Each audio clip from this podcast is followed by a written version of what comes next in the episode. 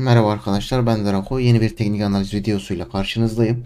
Bugün sizlerin de çok fazla vaktini almadan Bitcoin'deki son durumu genel yapıyı inceleyeceğiz. Biraz daha orta uzun vadedeki aslında görünümü inceleyeceğiz. Hemen başlayalım. Ee, Bitcoin şuradaki aslında 46 bin dolar bölgesinin yakınından diyebileceğimiz bir yerden tekrardan burayı test etmiş diyebiliriz artık. Ee, testinden sonra tekrardan hızlıca bir düşüş yaşadı. Ee, kısa vadeden ziyade şöyle bir genel duruma bakacak olursak zaten şurada yaklaşık 70 bin dolardan gördüğümüz bir düşüş trendi zaten direkt göze çarpıyor. Şu anki zaten herkesin aklındaki düşünce acaba şu düşüş trendinin düzeltmesi gelecek mi artık? Ancak baktığımızda e, ancak derken böyle biraz olumsuz gibi oldu ama e, şu an burada net bir e, dönüş formasyonu yok. E, henüz oluşmuş değil. Sadece fiyat şuradaki 46 bin dolar bölgesine e, birkaç iki defa test etti. Ve e, bu testinden sonra şuradaki e, dip bölgesi bir öncekinden daha yüksek. Umarız şuradaki dip bölgesi bir öncekinden daha yüksek olur. Ve en azından nasıl desem bizi umutlandıran bir yapı oluşmaya başlar.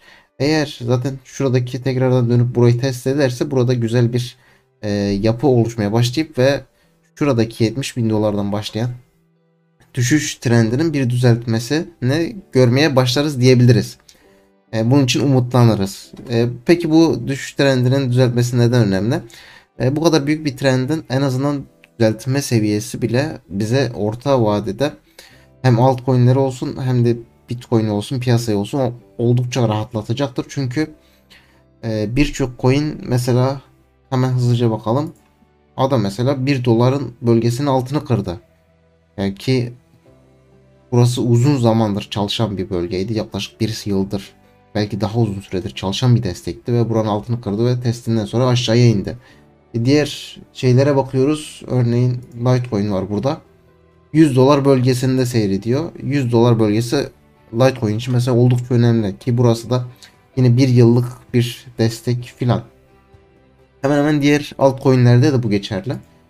O yüzden hiç değilse bu önemli de buradan bir düzeltme görürsek en azından e, buradaki altcoin'ler biraz olsun rahatlayıp tekrardan e, oradaki kritik eşin üzerine çıkmış olurlar diye düşünüyorum. Çünkü oralar artık kırılırsa e, buradaki yaşadığımız e, negatif durum daha da uzayacağını düşünmekteyim. E, biraz da böyle günlük grafiğe alırsam Burası biraz şu kırmızılardan dolayı karışık gibi duruyor.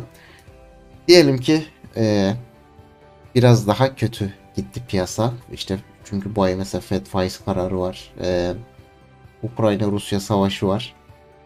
E, çok çok daha kötü şeyler yaşanırsa ve tekrardan buraların altını kırarsak şu an bizim için önemli olan bölge 30 bin dolar bölgesi olacaktır ki zaten şöyle genel bir göz attığımızda fiyatın burada çalıştığını görmekteyiz en azından buradan bir tutuma bir destek seviyesi olduğunu göreceğiz. Burası bizi yine e, kısa orta vadede bir nebze olsun fiyatı tutacaktır. Belki buradan bir düzeltme görebiliriz diye düşünüyorum. Çünkü e, nasıl desem bu 30 bin dolar bölgesi de e, orta uzun vadede oldukça önemli bir bölge. Buranın umarım kırılmaz. Kırılırsa da çok çok kötü senaryolar konuşuruz ancak bunu çok çok başka ileriki ilerleyen videolara bırakalım. Şimdilik böyle e, buranın kırılması e, senaryosunu konuşmamış olalım en azından.